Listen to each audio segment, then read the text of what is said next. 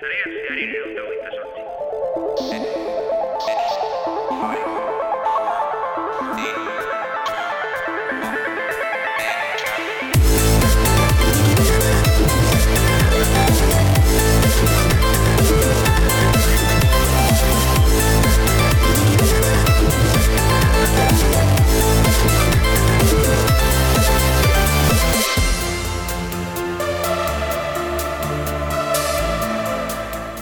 Pasan programan komentatu genuen bezala, e, asteburu honetan Bilbostak 2012, 2012 ez, 2022 e, ospatu da aurten, gaur, asteburu e, honetan, teknologiari buruzko ekitaldia, baina konkretuki programazioari buruzko ekitaldia e, dena, non, e, bueno, e, azken e, hilabetetan e, komentatu diren gauza batzuk ere e, analizatu dira adibidez metabertsoarena e, bueno, ba, ikusi ze, ze eman aldigun teknologia hori gure bizitzetan e, beti bezala ekitaldi interesgarria izan da eta bueno, ba, behin pasata e, gomendioa egiten dizuego ja urren urterako, ja pasadenez ba, urren urtean izan behar da ja bilbostakera bueltatzen garela Ba, horri buruz ez dugu gehiago hitz egingo, ja pasadelako, baina beste gauzatxo batzuei buruz hitz egingo dugu. E, kirolari buruz pizkatxo bat hitz egingo dugu ere, baina baita operagaioei buruz, Europar batasunari buruz, gauzatxo batzuk dauzkagu hemen e, komentatzeko, beti bezala teknologiari buruzkoak hor borretan e, datza gure programa finean teknologiari buruz hitz egitea. Eta bueno, gauzatxoak ez oso serio hartzea. E, ongi etorriak, hemen azten da, zarean zehar.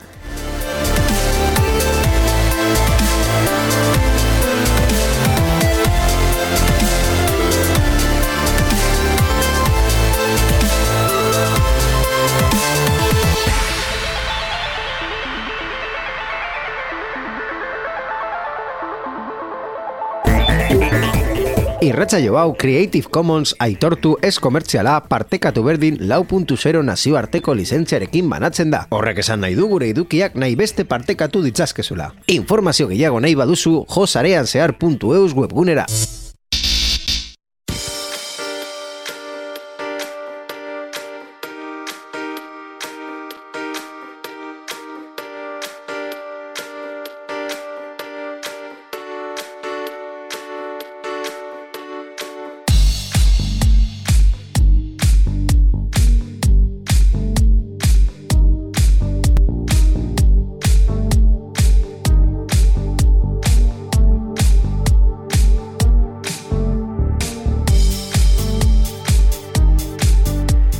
Eta beti bezala teknologiari buruz e, hitz egiteko, ba, ez nago bakarrik estudio honetan e, ere, bideoan argi eta garbi ikusten den bezala, hemen daukagu Borja Arbosa, arratsaldeon.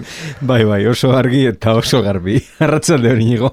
Oso argi eta oso garbi, bai, ba, bideoan ikusten da, hemen, YouTubeen, Twitchen, gauza horietan. E, por cierto, gero esango digu berriz Borja, baina e, Twitcheko kanal berria ireki dugu, twitch.tv marra sarean zehar, horretan gure grabaketak ikusi dituzue gertatzen direnean, beraz, e, hor daukazue erreferentzia twitch.tv marra Euska Digital. Bai, konkretuki gaizka egiten ari duen bezala. Arrastion gaizka. Ah, arrastion gaizka, ze moduz. E, hau esan da. E, ze komentatu nahi nuen? Ze moduz astea, Borja?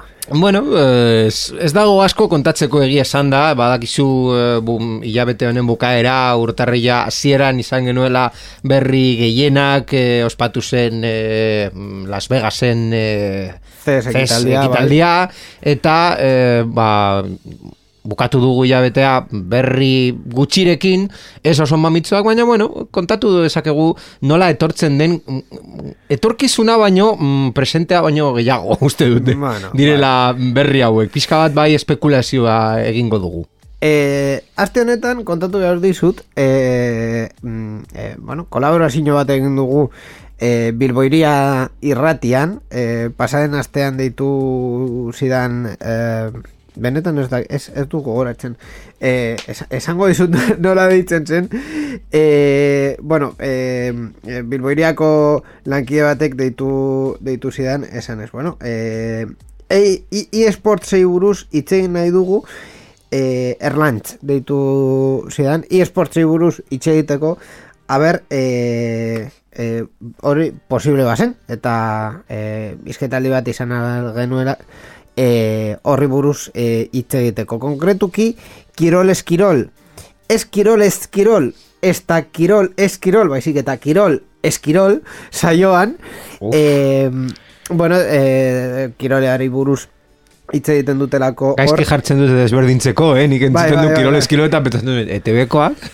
bai, ba, kasu honetan, e, itzaldea izan da Jona Fernandezekin e, baita ere programa horretan e, dagoela, eta, e, bueno, e, e-sportei buruz pizkat hitz egin, dugu. E, ez, beti bezala, e, hau da, Bilboirian, ez, ez dira horrela e, saio tipikoak egiten, e, e, e, kiroles, kirolen, imagina dezakezue, ez dutela atletikei buruz gehiagi hitz egiten. Eh, William Sanaiak ez direla saio guztietan agertzen. Ba bueno, beste eh, gauza askoi buruz hitz egiten dute kirolen barruan eh, daudenak. Eta hien artean ba bueno, e-sportsei buruz eh, hitz egitea eh, izan nahi dute ba, eh, azken programan eh, Bilboiriako webunean dago eskuragarri bilboiria.eus hor daukazue eh, saio horren eh, edukia. Esan behar dizut ere, eh, galdera bat egin didatela oso digarria izan dela niretzat. Eh, galdetu didate, suste duzu eh, e-sportak orokorrean kirol olimpikoa izango diren eh, egunen batean? Eta ni eratu nahi, kirol olimpikoa. Zer da kirol olimpiko bat? Ba, uste dut, Claro. eh, Komite Olimpiko Internazionala onartzen duen kirol Ki- bat. Kirola, claro, eta ni horretan pentsatu dut, eh, batetik eh, haiek eh, nahi duten kirolak sartzen dituzte eta bestetik haien haien irizpide mm, Bai. mm, propioekin eta beste partetik eh, beste kirol batzuk mm, kanpoan geratu dira azken urtetan eta eta beste batzuk sartu dituzte, Mhm. baino orokorrean aktivitate fisikoarekin erlazionatuta daudenak. Bai, eh, normalean eh, guk eh, as, as, asoziatzen dugu edo kirola aktivitate fisiko batetin, baita ere xakea konsideratzen da nola bai Claro. kirol bat eta ez du aktivitate fisikorin beharra, orduan Baina, xakea, adibidez, ez da kirol olimpikoa. Ez ez da kirol olimpikoa, Claro. baina bueno, eh, kirol bat bezala onartu al dezakezu eta beste kasu batzuetan ba kirolak ez daukate eh, nola baita esan da objetibo kompetitibo bat eta batez ere dira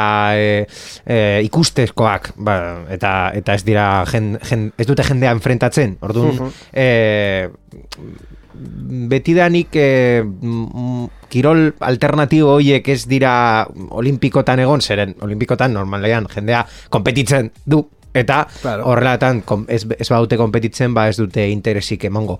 Kasu honetan, ba, nik ez duke ez esango, eh? Batez ere, uste dute momentu batean, agian eh, Komite Olimpiko Internazionala pentsatzen badu, arreta lortu behar duela jende, ba, eh, Gaztearengan, gaztearengan batez bai, eta jende gaztea. Ez badu kirol tradizionala jarraitzen, ez baditu kirol horiek jarraitzen, eta nahi badu nolabait lortzea, ba, mm, ez dakit, eh, azkenean eh, kirol oli- olimpikoak edo joko olimpikoak hobeto esan da, eh, behar dute eh, presentzia, Ikus- ikusleak, audientziak. ikusleak, audientziak, eta eta horrek eh, hor sartzea mm, ki- kirol hauek eh, e-sportak lotzen badute horrelako jende jende asko jende pilo bat eh, jarraitzea eta ez bakarrik ba, jende mm, jarraitzen du e-sportak eta beste beste kirolak mm, alde batera utzi Orduan, eh, bueno, mm, ikusiko dugu.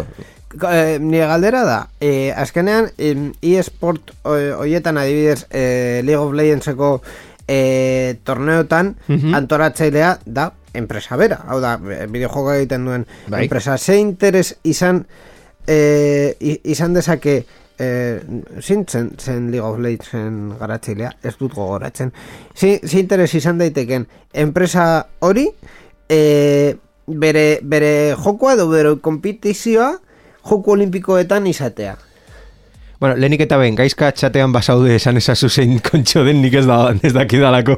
Ez da, baina e, kasu bat kontatuko dizut oso, oso berezia, e, gertatu zela pandemian, Ibaik e, or, e, ontolatu zuen e, FIFA-ko torneo bat, eta hor Bai. e, streamingean eman zuen e, kausa benefiko bat e, ateratzeko, Bai. eta kasu horretan, baita ere, e, bideojokoaren e, FIFA e, enpresa e, egin zuen jokoa dela eSports, hori bai, Bai. bakit, Eh, esan bai. zuen baiet, eh, eman zuen aurrera Ba- pausoa, baina, eta... kon- Kontua da, baietza ematea, edo adibidez, e, torneo bat e, muntatzea, kasu honetan, e, ba bueno, e, gainera, Ibai, Ibai buruz ere hitz egin dugu, e, pertsonalitate oso famatu bat dena, baina bera, ez du e, eserrera e, jokatzen, bera, e, narradoera da. Bai, baina ikusten dioen jendea bai jokatzen du eta joko hori e, olimpikotan jartzen baduzu ez, eh, ni, ni konparatuko nuke pelikula bat egiten bal, ba, zenu bezala. Jende asko ez zekien zer diren bideojokoak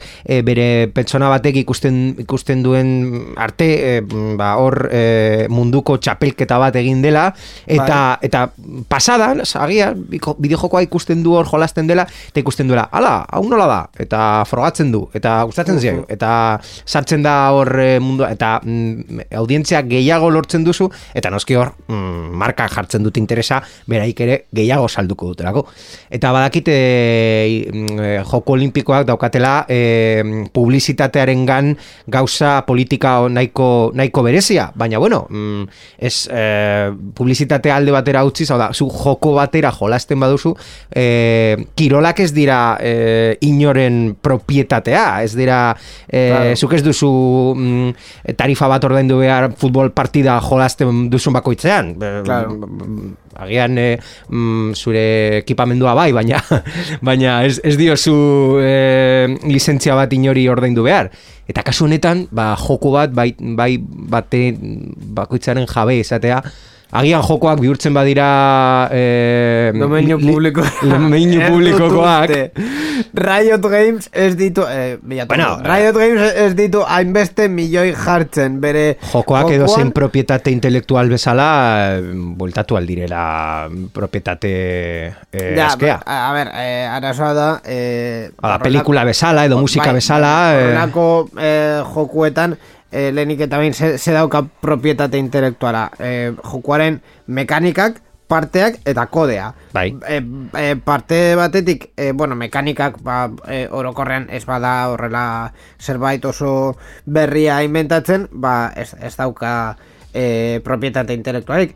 E, haien zatiak, hau da, pertsonaiak artea horrelako zerbait, e, berra, berre, berrerabiltzen baduzu beste jokuetan, hori ez du iraungitzen. Azkenean, ba, Mickey Mouseen kasuan gertatzen den bezala.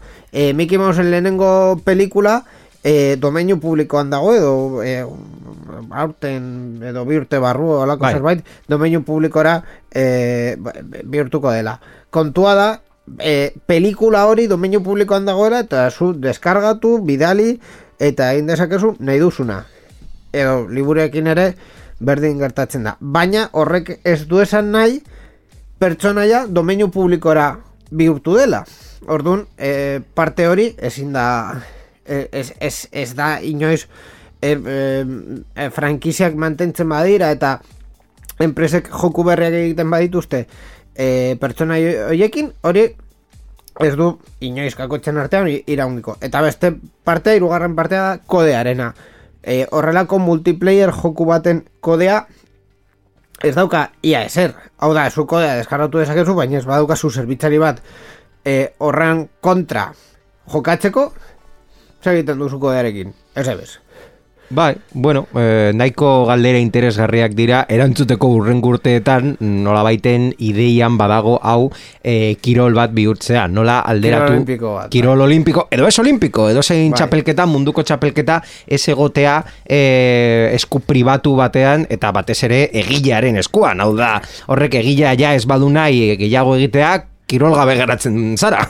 Claro, eh, a ber, kontua da azkenean eh, joku konkretuak desagertuko direla eta beste batzuk agertuko direla, baina mekanikak, estiloak eta generoak orokorrean hor mantenduko direa. Orduan, Counter Strike mm, bihar e, desagertzen bada, ez dakit, e, balbe izten, Bai. izten duelako, Beste hor- bat hor egiten da. daukazu Call of Duty. Bai, bai, bai, bai. Gutxo gara bera berdina dela.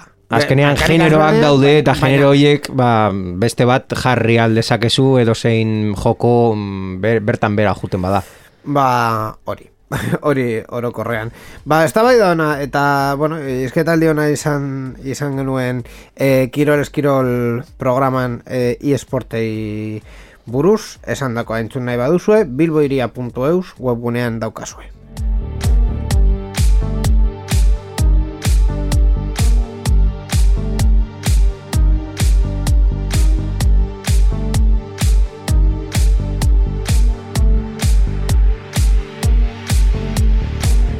Eta orain gezurra kontatuko ditugu tralara. Ai, ai, ai. Gezurra kontatzera goaz.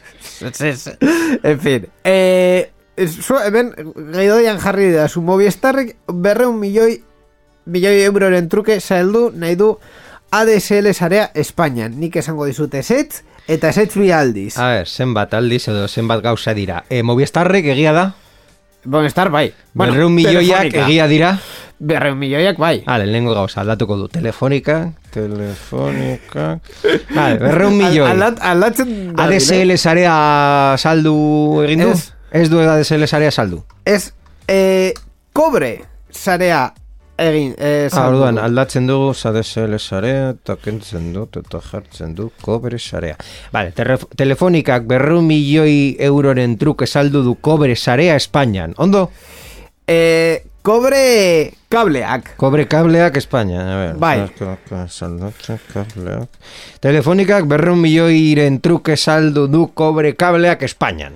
Bueno, eh, Espainian, eh, bai, eh, Australiako enpresa bati, baina bai, Espa- Eta hori, Espainia. bai, Australiako enpresa izan alda edo, edo Espainia. portugesa, Bai. baina ze, ze Eh, zu hartu duzun eh, berrian, eh, konkretuki, eta iturriak eh, aipatuko ditugu orain bai ADSL zonen eh, argitaratu zen eh, berrian, baina gaizki interpretatuta dagoenean, Ai. eh, dagoen berria, eh, jart, horrela jartzen Eh, zuen. non, nondik datoz berri originala? Berri originala ez dut topatu, baino egia da beste komunikabide batzutan Bai? eh, argitaratu dutela eh, erdiondo esaten eh, eh, bueno, eh, telefonika saldu nahi duela bere kobre sarea non ADSLA ematen zuen. Eta parte hau importantea da. Kontua ez da Hau da, eh, ez du ades, norbaitek irakurtzen badu ADSL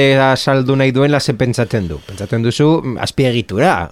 Claro, baina kontua ez da azpegitura bera eh, ordainduko duela. Telefonika izango da azpegitura eh, kenduko duena eta eh, hiri eta herri askotan zituen mm, kable horrela oso oso potoloak eh, ez dakizen bat eh, telefono parekin saldu, ba, barkatu, desmontatu, saldu eta gero ja ez dakit Australiako hauek egingo dute.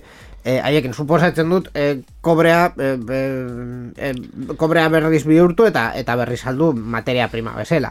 Hau da, kableak eh, hor, em, erosi dituzte hauek. Bueno, lehenik eta ben kontatu behar da, eh, ko, kobreko sare hau, eh, nahiko sare zaharkituta konparatzen badugu noski FTTH eta zuntza eta egiten eh, orain azken urteetan egin den despliegue oso oso handiarekin alderatz, alderatzen badugu, ba, eh, hori eguneratu behar da, eta eh, telefonikak suposatzen da inbertzio hori egin behar duela, hau da, kendu gauza zaharrak eta jarri berriak edo ja berria jarri baditu ba kendu zaharrak eta mm, sare horren zati hau mm, edo horrek esaten du mm, berriak esaten du Macquarie deitzen den eh, enpresa australiar bati eh, saldu diola, hau da, Australiako enpresa pribatu hori arduratuko da mm, gauza horretaz, eh, kendu eta eta saldu eta hori ja ba, mm, horrekin ez daki zer, zer, zer egiten duzu sare, osea, mm, kendu duzun sare batekin. Begira, konkretuki, eh, bueno, ze egiten duzun, kendu duzun sare batekin, ba, materiala... Eh, Baina ez, ez duzu ezer jartzen bere ordez? Bueno, pero Eh, ja, badago, ja, Badago, bat. claro, eh, zuntzaia jarri duzu. Osea, kontua da, desmon, osea, desmontatzen ari diren kableak, izaten dira ja, itxita dauden zentralen eh, kableak, hor ja, eh, bueno, eh, fibrasko materiala egon daiteke, baina ja ADSL ko material hori ez dagoela erabiltzen. Mhm. Orduan, eh, kableak fisikoki kentzen eh, dituzte. Konkretuki, esango dizut, nire gustura hobeto eh, azaldu duen komunikabidea izan da expansión, eta expansión Ah. horrela eh, esan dute, telefonika kobre kablea saltzen dio Macquarie enpresari, Mhm. berreun milioi euroren truke. Oso ondo. Eta? Eta ya está. Eta ya está. Hori da berri guztia. Saldu eta agur. Saldu eta gura. Materiala saldu, punto. Osea, Mhm. da, eh, ni adibidez, ez dakit, ze, ze daukan hemendik. Ni kable hau saltzen badizut, Aha. ba, tori, kablea, ya está. Kablea, kablea. Vale. Ez dago gehiago, Bueno, kablea. az, ya está. kablea azpiegitura interesgarria bat izan daiteke baina saltzeko. kablea, baina kablea ez dago inon montatuta. Osea, ja, kablea desmontatuta dago, eta kamioi batean dago, Macquarie egiteko... Hau duan. Macquarie ez du egiten hori lan hori, desmontatzeko lana. Ez ez, lan hori telefonika egingo du. Orduan, es- esan, esan desego, Material desakegu... brutoa. Te, telefonika kable hoiek eh, Wallapop ordezko batean jarri duela eta Australiako batek esan duela Claro, Wallapop jarri dute Bendo cobre Eta ya está. Ba, ba, Oso bai, ondo, horrela. Telefonika kobre saltzen. O- or, Bai, horrela izan da. Bueno, urte eta urte asko eh, bota dira eh, kobrea erosten Bai, orain kobrea saltzen dute. Ez, ez dago zer gehiago, horrela da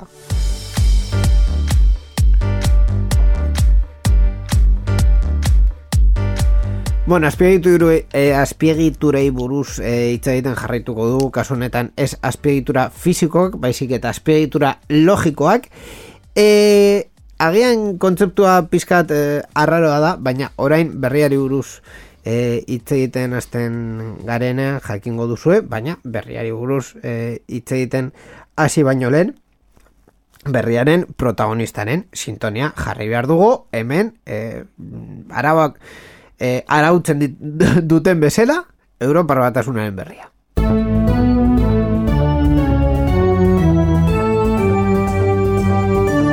Europar batasunaren berria.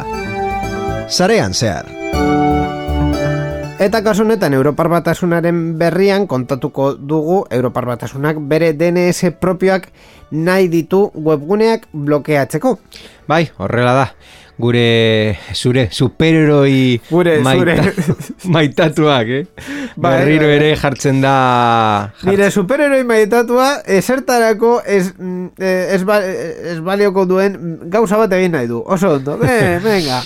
Ba, Europar batasunak estatu batuarren menpe goteari utzi nahi dio eta DNS for EU, DNS lau EU izeneko proposamen alternatiboa iragarri du.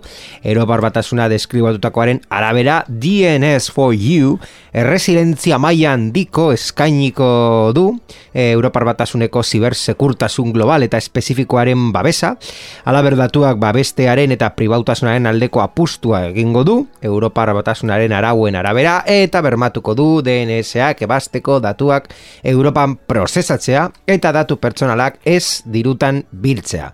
Internetoko asken segurtasun eta pribautasun estandarrei atxikiko zaie. Oso detektagarri izango da eta azken erabiltzaileek erraz konfiguratuko dute bere ekipoan eta softwarean. Bai, erraz da konfiguratzeko. Hori da saldu duten. Vale, ba, oso ondo.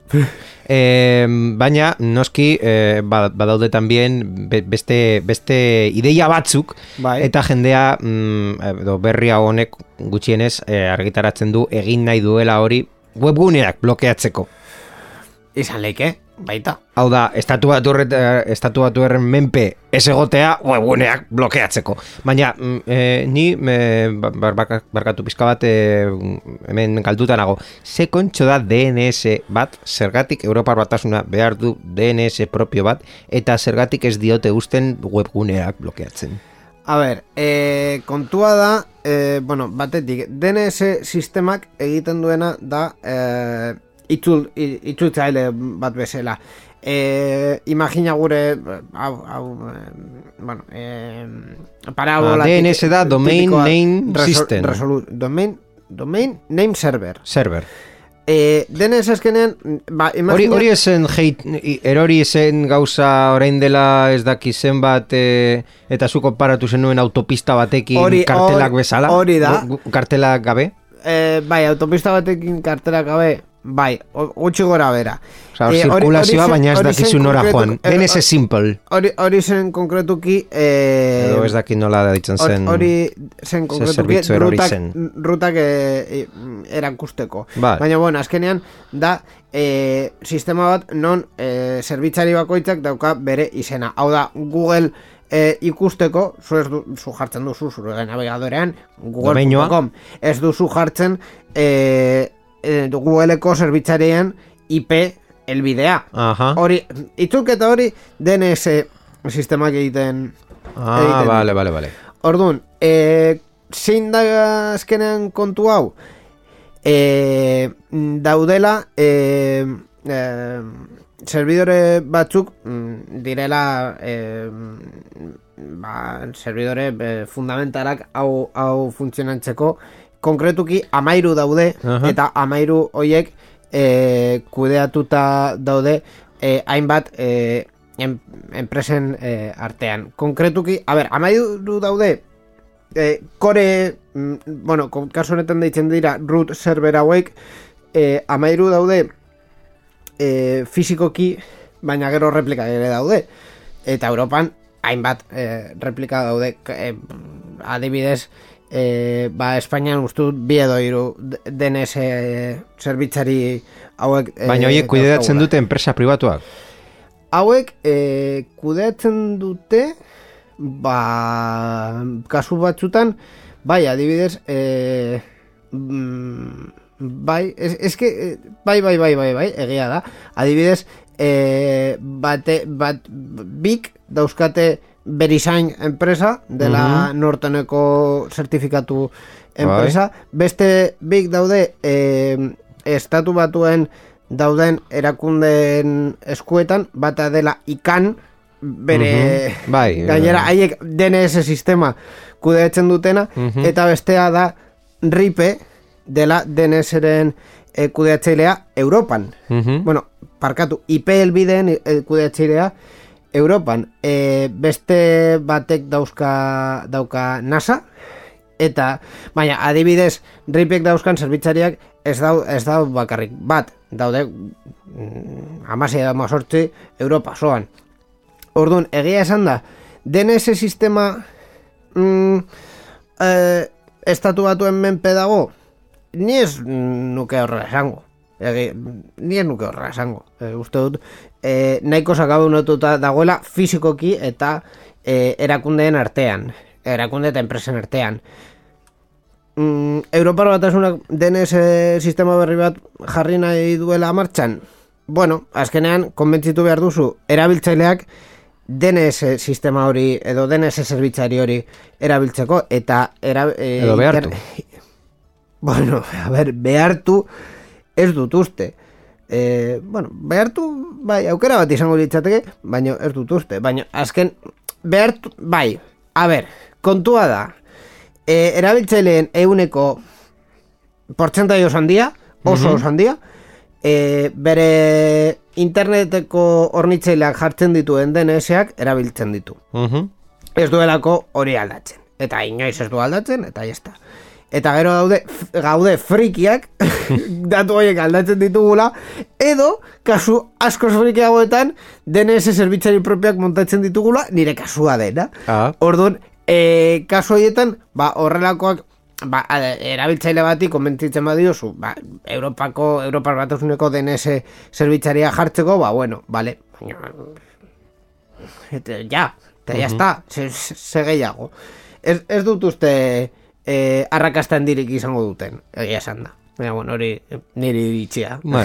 Lehenengo etorkizun berria bat, az- bueno, lehenengo telefonikarena alde batera usten badugu hori Bai. dela guztiz etorkizuna eta pizka bat e, gaurkoa, baina ikusiko dugu, ez? Nola gera, geratzen dena postu hau? DNS for EU ba, izango da DNS for nothing. Zango dizut, osea, ez, ez diote etorkizunik ikusten, baina, bueno, e, diru publiko horretan erabili nahi badute, ba, oso ondo, Europar bat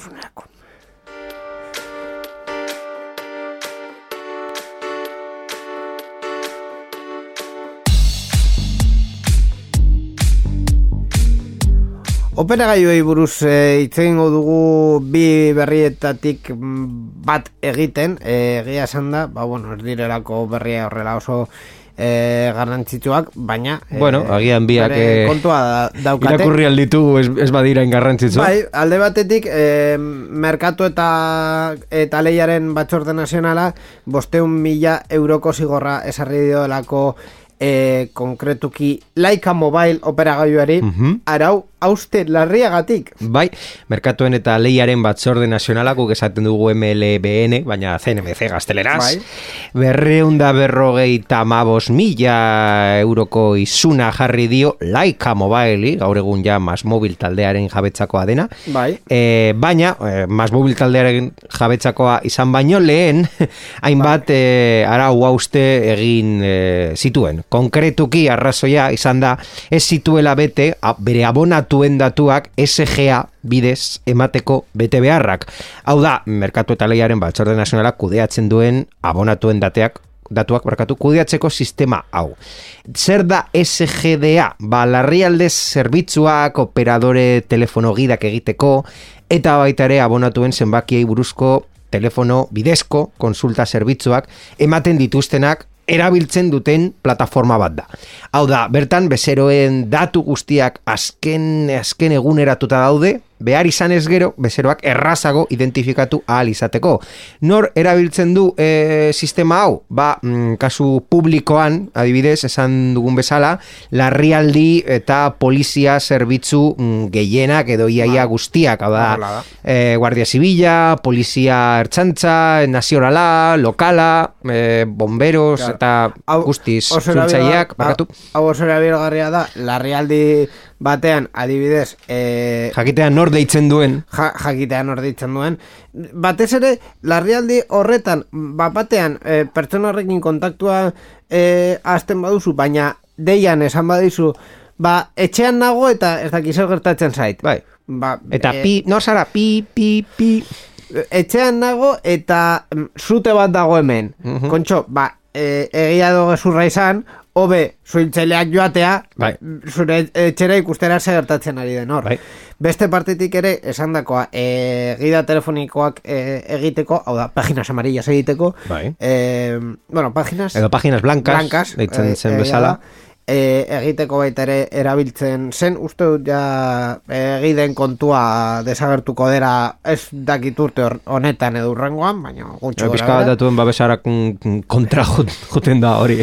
Bai, baina bueno, e, Eta gaur egun ja telefono finkoa, Claro. dira, mm, pikutara. SGD-an egotea aukeraskoa da. Mhm. Hau da, ez, ez eh, da beste sistema batzuk bezala e, naita ez zure datuak hor egon behar direla, adibidez, portabilitateen sistemetan bai egon behar direla datuak bai ala bai, baina SGDA honetan e, aukeraskoa da, zure aldio zure operagailuari, eta esan, begira, e, bere momentuan zen e, gidan, ez no nahi gida telefonikoan agertzea, vale, oso ondo, ba, hemen dikentzen dizugu, txinpun. E, beste partetik, ba, ba e, adibidez, e, mm, esango dut, hai, e, e, MLBN-eko webgunean badago e, zenbakiak kontsultatzeko zerbitzuak eta zerbitzu bat eta e, zerbitzu hori eskaera egiten du beste zerbitzu hori ezin duzu ikusi e, zenbaki hori ze jabe daukan, baino bai ze operagailoak kudeatzen duen gaur egun eta okupatuta edo ez e, dagoen. Orduan, eh, nahiko garrantzitsua da sistema hau, orokorrean. Bai, ba berri hau bukatzeko baita ere esango dugu operadoreak egindako ordainketa murriztu egin dela, arau haustea egin izanaren erantzukizuna aitortu dutelako, eta gainera aldez aurretik ordaindu dutelako zeapena. Euneko hogeiko bi murrizketak aplikatu ezean operadoreak ia milioi bat euro ordaindu beharko zituen. Ah. Ordainketa gainera eginda, eta uko egin zaio zeapenaren aurka atzera egiteko edo administrazio bidetik uko egiteko eskubideari. Hau ez dute rekurtso hori jarriko eta onartu dute beren errua Mas- eta ordaindu eh, por la vía rápida esaten den bezala. taldea esan du begira. Hau ez dugu jango. Milioi erdi euro, toma. Hau bezala, venga, ala. Beste partetik ere, e, operagaioi buruz eh, hitz egiten, e, kasu honetan zigorra ez dutena jasoko, izango dira Movistar eta Joigo. Bai, e, 2000 eta sortxian, hasi zen historio bat, e, telefonika eta joigo rumin akordio bat sinatu zutenean. Bai. Ordutik, bi telekoen arteko barremana, bigarren akordio batera aldatu zen 2000 eta amabostean, merkatuen eta lehiaren batzorde nazional berriro ere hemen barruan, 6 milioi euroko izuna esarri baitzion telefonikari eta e, irumi, mila eurokoa jo, bez, desberdintasuna, joigori, tratuak leia murrizten zuela iritzi baitzion. E, bi operadori hauek akordio bat e, sinatu zuten eta bertan zehaztu zuten ez lau saretako sarbidea eta banda zabaleko zerbitzuen eskaintza, ziren eskaintza hori ba, eskaintzeko gai ziren bakarrak, eta merkatu eta na, lehiaren batzorde nazionalak jarritako izunaren ondoren, konpainiek e, elegitea jarri zuten, eta ausitegietan izuna bertan behera ustea erabaki dute. Bai, e, gainera hemen erdian, historia honen erdian ere sartu zen e, bere momentuan Vodafone, egia zerako e, telefonika eta joigo akordioa zutelako roamingerako, hau da, e, bere saretik kanpo egiten ziren e, deietarako. Ba, e, joigoko bezera bazinen 2000 eta marrean, adibidez, e, e, resuma batuan, zure sarea izango zen O2, telefonikakoa zelako.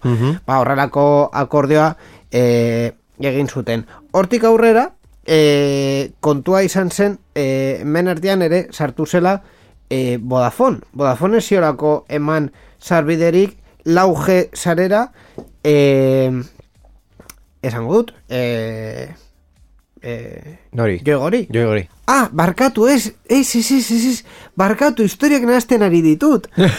historiak nahazten ari ditut. Baina- Kontatu nahi nuen historia zen pepefonekoa, ez joigokoa. Jo, Ah, bai. Pepefone Bai, horrelako arazo bat izan zuen, Bai, baina bai. Pepefonek ora entzen zegoen eh, mo, Movistarrera pasatu, telefonikara pasatu arte, ezta? Uste dut Vodafonen zeude, zeudela. Ah, ni- Eh, ah, pasatu bainoren. Ah, ez, ez dugu horatzen ja. I- eh, i- izan daiteke, bai. E, e, egon dira hainbat kulebroi gauza hauekin eh, eh, imaginezina. Ba, batzuk isunak lortzen dituzte, eta be- beste batzuk saiesten dituzte. Bai, bai.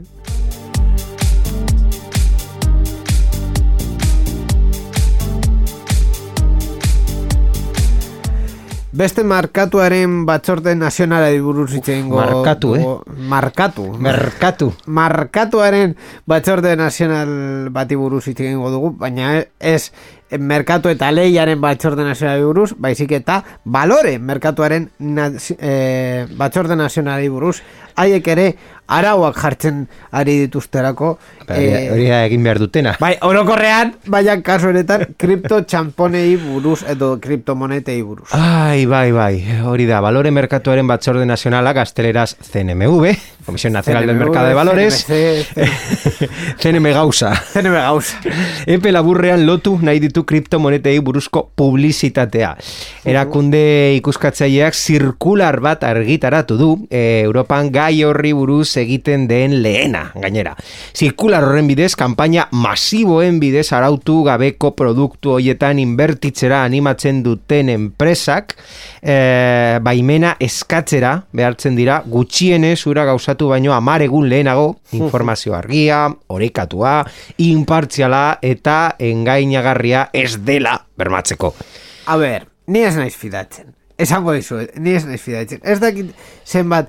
Eh, Noren garezara fidatzen. eh, Kripto txamponei, buruzko enpresei buruz. Inorengan, lehenik eta behin, crypto.com eta, horre, eta Binance eta horrelakoak kristongo pufo direla hemendik ikusten da. Gogoratu behar dugu, e, gainera, e, mm, organismo honek, e, balore merkatuen batzorde nazionala, ja, e, orain dela hilabete eta pik uste dut, e, atera zela e, sare sozialetan, Andres Iniesta, futbolariari, e, arazoan jartzen, zeran, berak e, publikazio bat jarri zuen, e, bai, iragarki bat, e, nola, esaten nola, operatzen du kriptotxamponekin, eta e, akontu ofizial bateri, batean esan zuten e, hori ez zela egin behar. Hau da, esan zuten kontu zibili hor, ze, ze nolako aktibitateak eta ze promozio egiten duzu. A ber, egia esan da, e, kripto mm, txamponei buruz hitz egiterakoan, e, uste dut, em, interpretazio zuzenena izan leike e, mm, bal, e, burtsako baloreekin alderatuta. Hau da, e, edozein mm, aplikazio edo sisteman sartzen bazara non e, burtsako baloreekin e, e, jokatzen den, saldu eta erosten den, jartzen dizu normalean, e, ba, e, zure dirua arriskuan dagoela eta orokorrean Bai. hemen jo, e, dirua sartzen duten euneko ez daki zenbat bere dirua galtzen dute. Orduan, e, hau gutxi gora bera berdina da. E, gaur egun kripto txamponak alde teknologikoa aldera, alde batera utxita, e, espekulazio balore bat dira.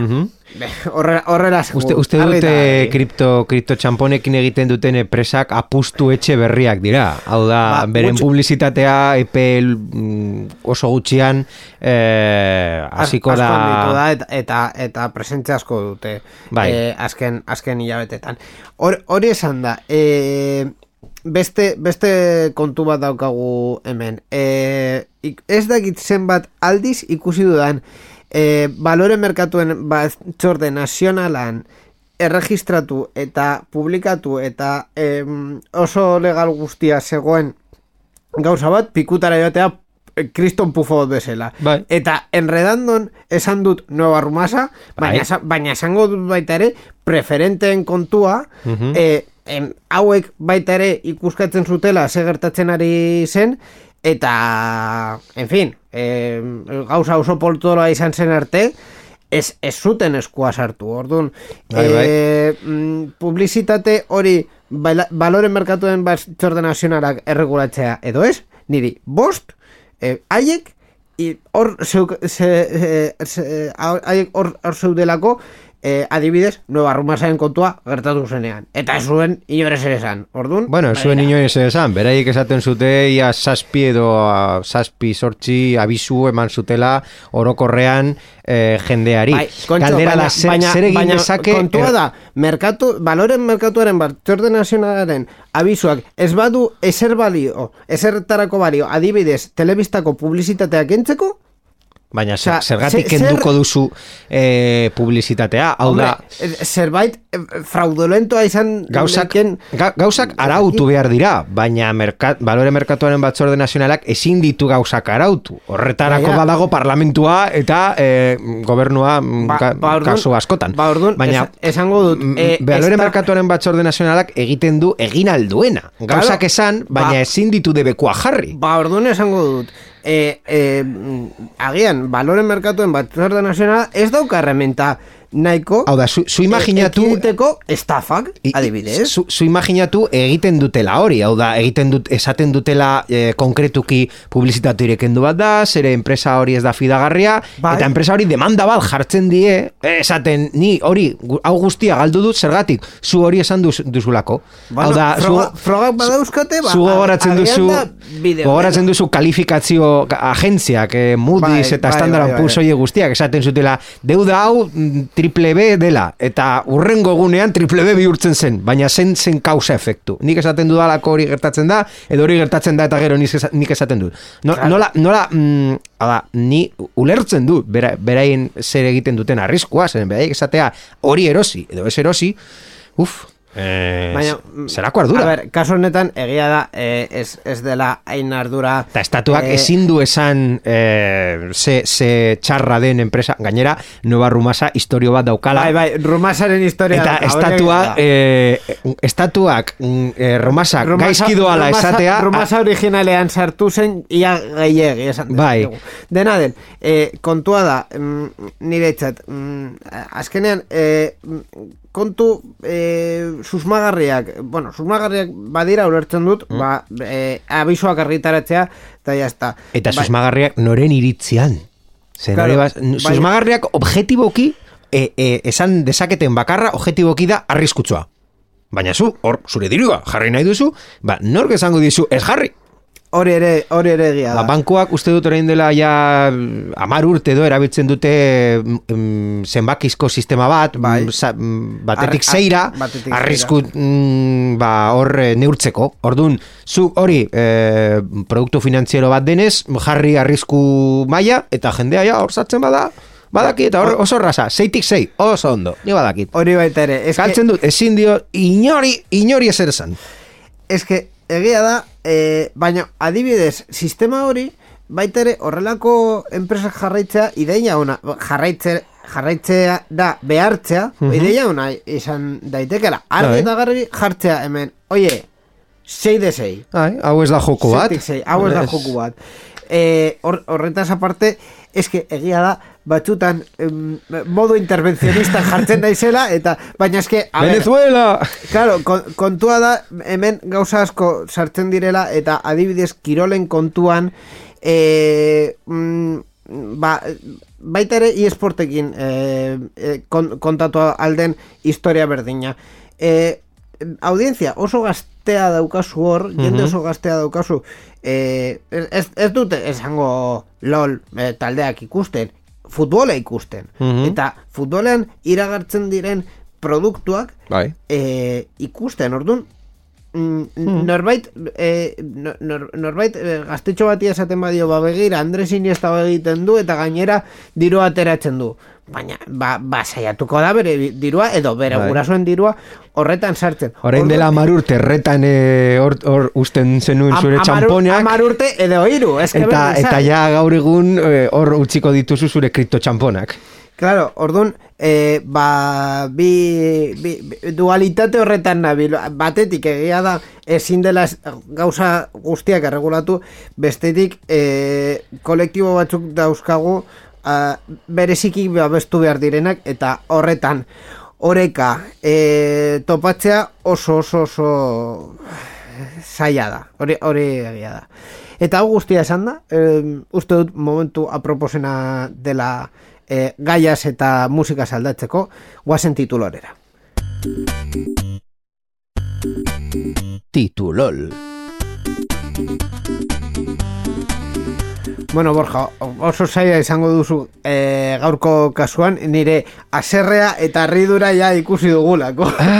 Zer daukazu sorpresa bezala titulol honetan. Ba, ikusi dut zure aserrea kripto txamponei buruz, orduan, gaurko titula, titulola NFT-ei buruz doa. Oi, oi, oi, oi. Ze polita izan da, bueno, e, Facebook honetan sartu nahi da, e, Twitterren konkretuki argitaratu dute bere e, profil, profil irudietan NFT-ak saltzen hasiko du, dutela, eta NFT hoiek konkretuki dira irudi bat hexagono batean. Osea, Pentsa edo zen gauza berezirik izango den. Hori bai, zure kripto txamponen e, no, no esaten da e, zure ki, kripto zorroa jarriko duzu zure Twitterreko akontuan haiek e, sarbide bat izateko zure kripto dirua hartzeko Ba, fenomenoa uinigo edatzen jarraitzen du eta ja NFT-ek beren The Pirate Bay dute, peer-to-peer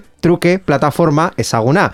Geoffrey Huntley, Australia garatzaileak de NFT Bay webgunea sortu du, Ah, non NFT hauen oh. milaka irudi doan eskegi eta jendearen eskura jarri dituela ziurtatzen duen e, hau, aktibo digitaletan jabetza eskubideen kontzeptua zalantzan jartzea du helburu eta ekimenaren alderdi berezinetako bat da Huntley aurkezten duela, ala egiten zuen duela gutxi elkarrezketa batean arte, eta bokazio didaktikoko ariketa gisa.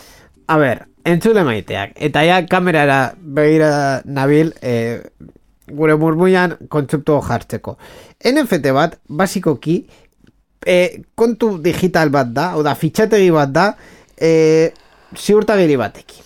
Originaltasun ziurtagiri batekin. Orduan, e, pak horri, originaltasun ziurtagiriak entzepa diozu, eta produktu digital horren kopia bat egiten baduzu, adibidez irudi baten kopia egiten baduzu, hori ja, irudi bat da, ez dauka baliorik. Orduan, e, en fin, e, bai, beste gauza asko bezala, hau pirateatu daiteke, bai, asko, eta kantitate handian, eta horretan DNFT behi. Oso ondo. Oso ondo iruditzen zait, begira. E, batzutan... Helburua lortu dugu, titulolean. Ez, ez duzu lako nire arridura eh, eh, Baina barrea, bai. sortu. Bueno, bai, eske egia esan da gustatzen zait eh, espekulazio espekulazio, hainbeste espekulazio daukan mundu honetan batzutan eh, horrelako mm, justizia poetikoa sustatzen dituzten pertsonak agertzen dira hor, hortik eta nire eh, bihotzerdi komunista posten dute. Así que, eh, en fin, nik ez dut hau esan momentu honetan NFT bat delako eta internetetik desagertuko delako. Entzun berri duzunari buruz hitz egin nahi? Zure iritzia jakin nahi dugu, idatzi ezaguzu Twitterren gure erabiltzailea, sarean zehar da. Gure Twitcheko emanaldietan ere parte hartu eta zure iritzia eman dezakezu programa egiten dugun bitartean. twitch.tv barra sarean zehar. Gainera, zure ekitaldiaren edo ideiaren berri eman nahi baduzu, posta elektronikora idatzi diezagukezu info abildua sarean zehar.eus. Sarean zehar, zure mezuen zain.